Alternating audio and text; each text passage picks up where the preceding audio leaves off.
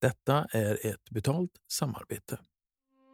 Jag fick en förfrågan av Fonus, ni vet begravningsbyrån. De ville att jag skulle beskriva deras verksamhet genom att besöka dem och göra reportage. Jag sa ja.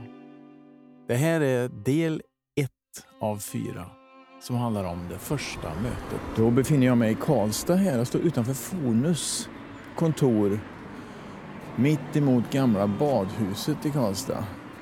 Här ska jag träffa någon. Här du. God morgon, god morgon Mikael Takman. Hej Malte. Hur står det till?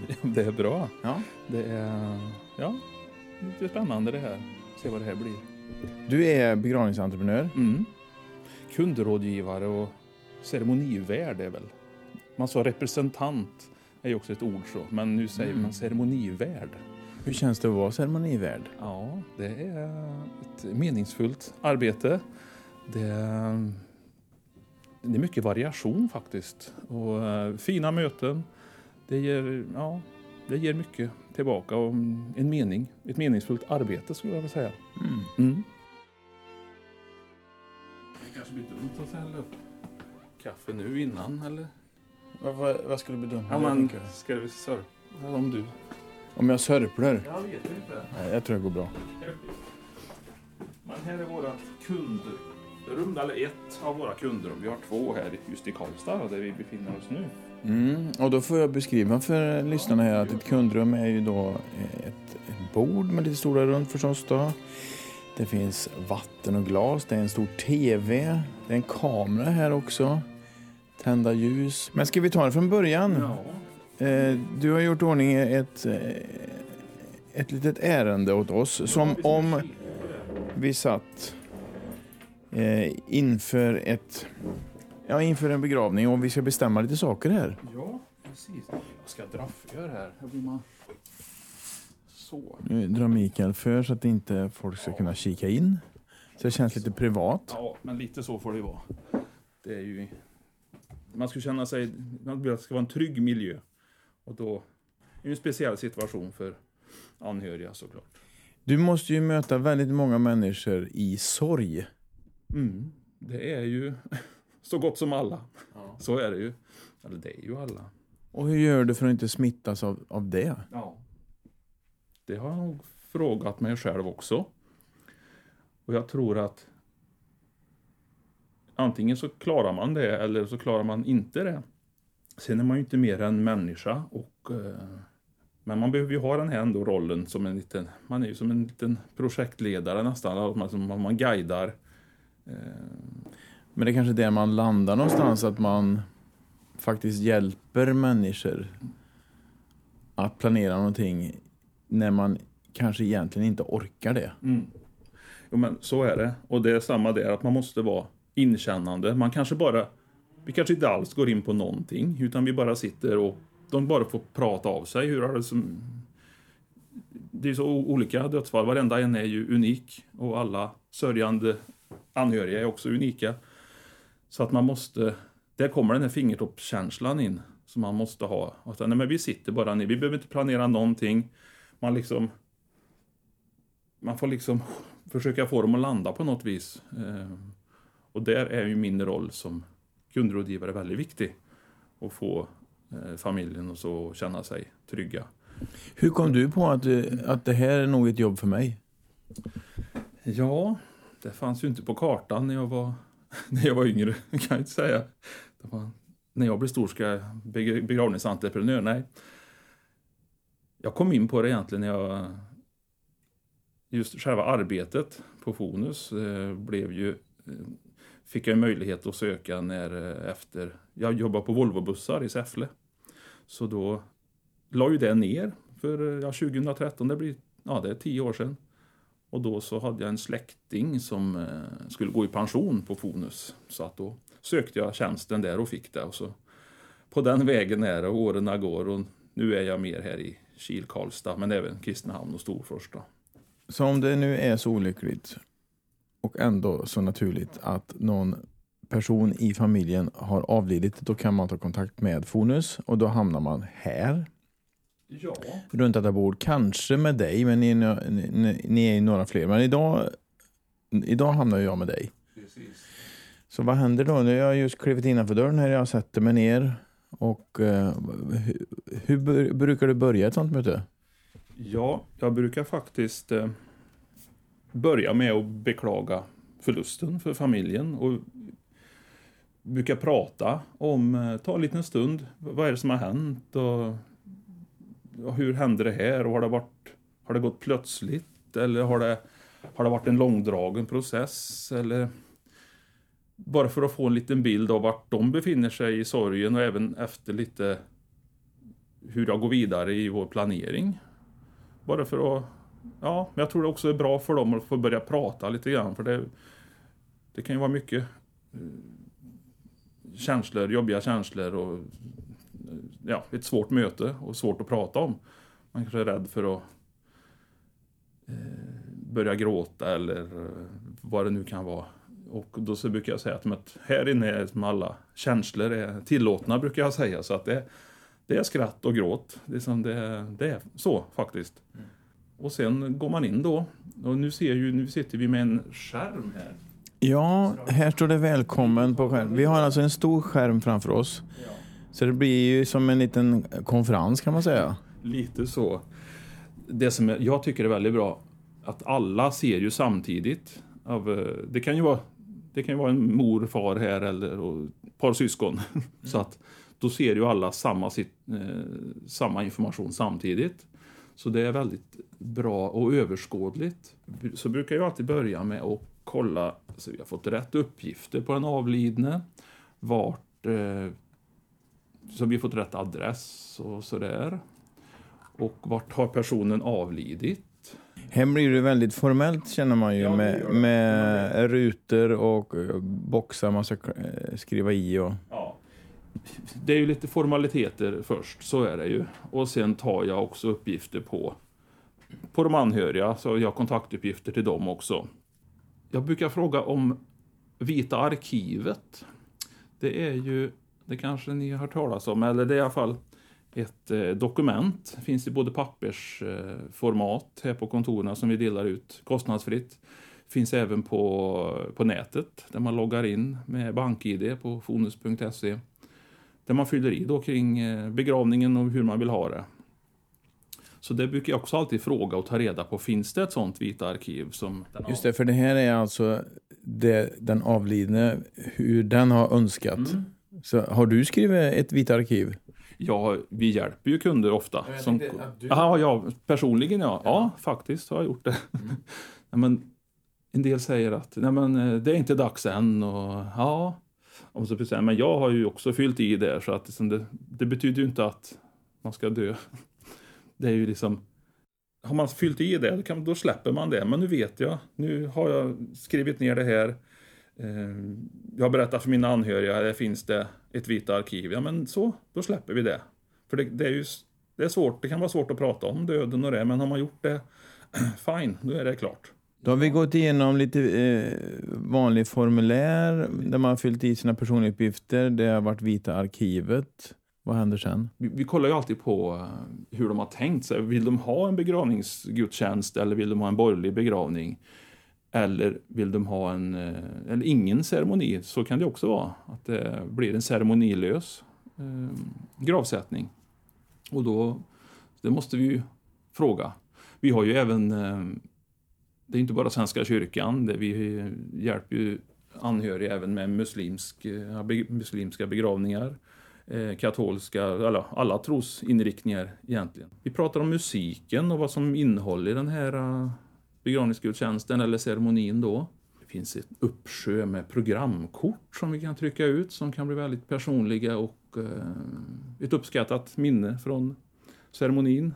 Där agendan eller ordningen och musiken och psalm, psalmerna om den svenska kyrkans ordning går också igenom minnesstund. Det är ju om familjen och vill samlas efter begravningen och kanske i något församlingshem är ju vanligt, eller no lokal i anslutning till ceremonilokalen. Som anhörig så kan man släppa allt egentligen. Om man inte själv vill styra upp saker så kan ni ordna allt kan man säga. absolut. Det är ju ett helt paket. Kan man ju få att vi sköter allting, så är det ju. Så, eh, men det, det är samma där, att eh, det med transparent eller att ja, ärligheten att ja, men det går att göra, de får göra väldigt mycket själva. Men det här är ju våra tjänster och det här kan vi erbjuda. Så eh, om man går tillbaks till minnesstunden, det blir ju en annan stämning att sitta i en kyrka eller i någon, något kapell. Och sen, det blir ju en viss stämning, men sen när man träffas efteråt blir det en annan stämning, ett annat samtal. Man pratar om eh, minnen kring den avlidne. Det kan ju vara folk, vänner och kompisar som berättar om sina upplevelser och minnen av avlidna och det kan bli en väldigt fin en del av det här ljusa minnet som, eh, som vi vill att familjen ska bära med sig för att leva vidare. Ja, för det kan ju skrattet också vara en del av sorgen just på minnesstunden. Mm. kan jag tycka är skönt att man, som du säger, att anhöriga eller kompisar får berätta någon, någon rolig mm. historia som har hänt när den avlidna har levat. Då. Precis. Kan du uppleva med din ålder, för jag kan uppleva med min ålder att begravningar blir viktigare och viktigare som någon slags avslut. I början kanske jag kan, kunde tycka att begravningar var lite otäcka för då kom man så nära döden. Mm. Och det kanske man inte var van då i 15-årsåldern. Men nu när man, man närmar sig döden på något vis. Eh, och eh, är mer avslappnad i det. Och då känns det viktigare och viktigare för varje begravning jag är på att det är ett viktigt avslut. Och att den ceremonin som ni då styr upp är väldigt viktig för de anhöriga och runt omkring. Jo, absolut, så är det. Och eh, det kan jag tycka också när jag har blivit äldre, att jag håller med dig där med allt det. Och, eh, för det är ju ändå, det här är ju en, en gång, eller det är ju en... det här gör man en gång i livet för den här personen och då är det ju superviktigt att den blir precis som avlidna och anhöriga har önskat. Eh, för de ska ju leva vidare med det här minnet och för att kunna på något vis gå vidare i sin process. Och där är det här tillfället och den här dagen eh, superviktig. Du dör bara en gång? Ja, det gör man. Och brukar tänka så här också, för att citera, när du sa så, att för att citera P.O. Enquist var det väl, som sa det här att en dag ska vi alla dö men alla andra dagar ska vi leva. Det är ett fint citat. Mm. Så, uh, vi pratar ju på att vi väljer ju kistor och så. Mm. Så det har vi ju också ett stort antal olika variationer. Det är olika träslag. Det finns furukistor, vi har i ekkistor, vi har olika målade kistor. De här finns laserade. Eh, det finns, man kan få i valfri färg, går också att få. Och sen har vi ju en uppsjö med urnor också, och olika alternativ. Och det är ju det är samma där, det finns i olika modeller, det finns i olika träslag och olika miljö, miljövänligare material. Och, ja. Det här med kremering kontra gravsättning. Ja. Eller jord, vad säger man? Ja, jordbegravning eller kremationsbegravning är ju det vi säger. Ja. Hur är eh, fördelningen där? Ja, om jag läste statistiken rätt här så eh, i storstadsregionerna då så ligger det på ungefär 30, nej, 90 procent kremationsbegravningar och 10 jordbegravningar. Och på landsbygden eh, eller mindre orter så ligger det runt 80 procent på kremation och 20 jordbegravningar. Då. Vad tänker du runt det? Ja, jag tror traditionsmässigt, det var ju bara jordbegravningar förr i tiden och att på något vis hänger det kvar längre på landsbygden i vissa, vissa kyrkor eller församlingar eller bygder. Att det är mer, så det är nog mycket tradition, men det går ju mer och mer mot kremation, så är det ju. Men eh, ja, vi får se i framtiden vad som händer. Ju... Vad tror du det beror på att folk mer och mer väljer kremation? Ja, det kanske är en läskig känsla. Man som blir... Och ja, med jorden, jag vet inte. Vad tänker du själv? Nej, jag tänker nog kremation för min del. Vi går vidare här. Och då frågar vi också, vi kallar det för omhändertagande, men det är ju alltså när vi kistlägger och bäddar i ordning den avlidne. Kanske får vi hämta på ett sjukhus, det beror lite på vart personen har avlidit och så. Då. Så då frågar vi alltid som hur den avlidne är klädd.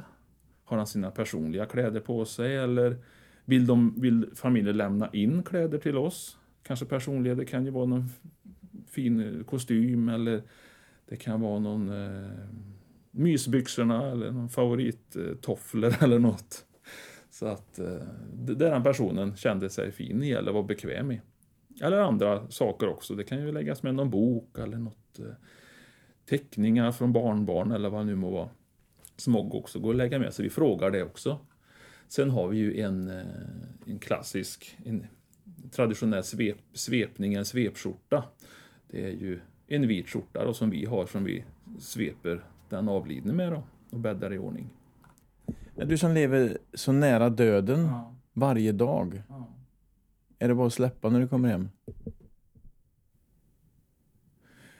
Eh, nej. Ja, till viss del. Men minnen och sånt sitter ju kvar, vissa. Så är det ju. Och eh, vissa saker sätter sig ju mer än andra, det är helt klart. Men det är ingenting jag liksom går runt och mår dåligt av, utan... Ja, nästa sak vi pratar om nu, hur vi dekorerar eh, med blommor och så här i kist, på kistan eller runt urnan. Ja, det kan ju vara blommor från familjen, det är hjärtan, kransar, eh, vi pratar handbuketter till avskedet. Urndekorationer finns ju också en hel, nu är det svårt att beskriva här men Ja, det vi ser framför oss nu är ju väldigt vackra blomuppsättningar i, med olika urnor. Vi såg alldeles nyss massa bilder på kister med olika kreationer ovanpå i alla möjliga färger.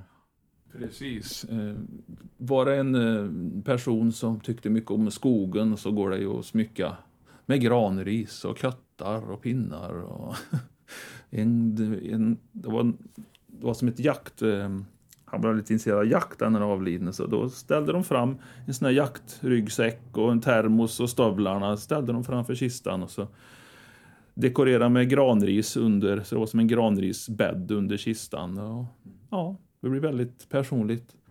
Nu kommer vi till eh, dödsannonser och så.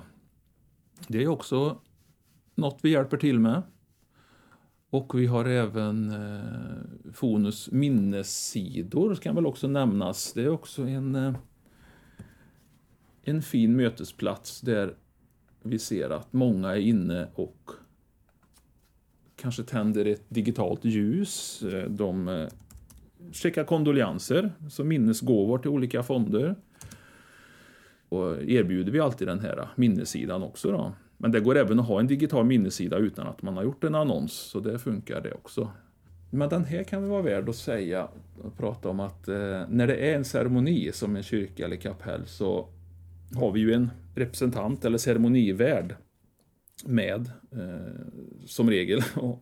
så att eh, då tar vi ju, dokumenterar vi, vi tar kort på blommor och hälsningar och, eh, och så sammanställer vi en minnesbok då. Och vi hjälper till med tackkort och tackannons är också en del som vill ha. Vad, vad kallar du den här hyllan här? Den där?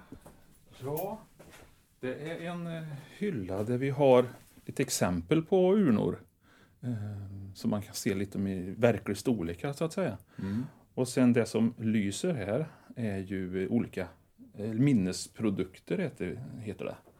Så det här är till exempel, man kan få ja, de här smyckena fungerar att man tar kort på ett fingeravtryck på den avlidna helt enkelt och eh, på det viset så läser man in det och kan få det ingraverat på ett, ja, som ett hängsmycke eller på, som en ring. Så är det, väldigt, det blir ett unikt smycke på det viset. Mm.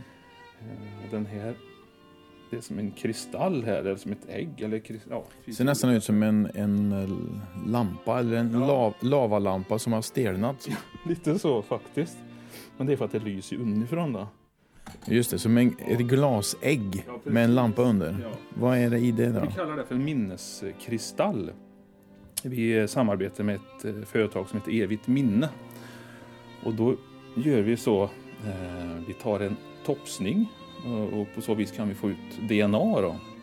Och då kan det DNA ja, det heter fossiliseras.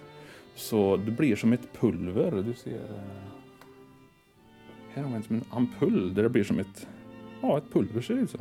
Så eh, då kan det här DNA blåsas in. Det görs ju för hand de här kristallerna i Sverige.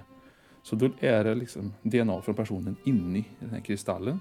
Just det, och så är det gjort som en DNA-spiral sådär. Ja, det är väl mer estetiskt så. Mm. Mm.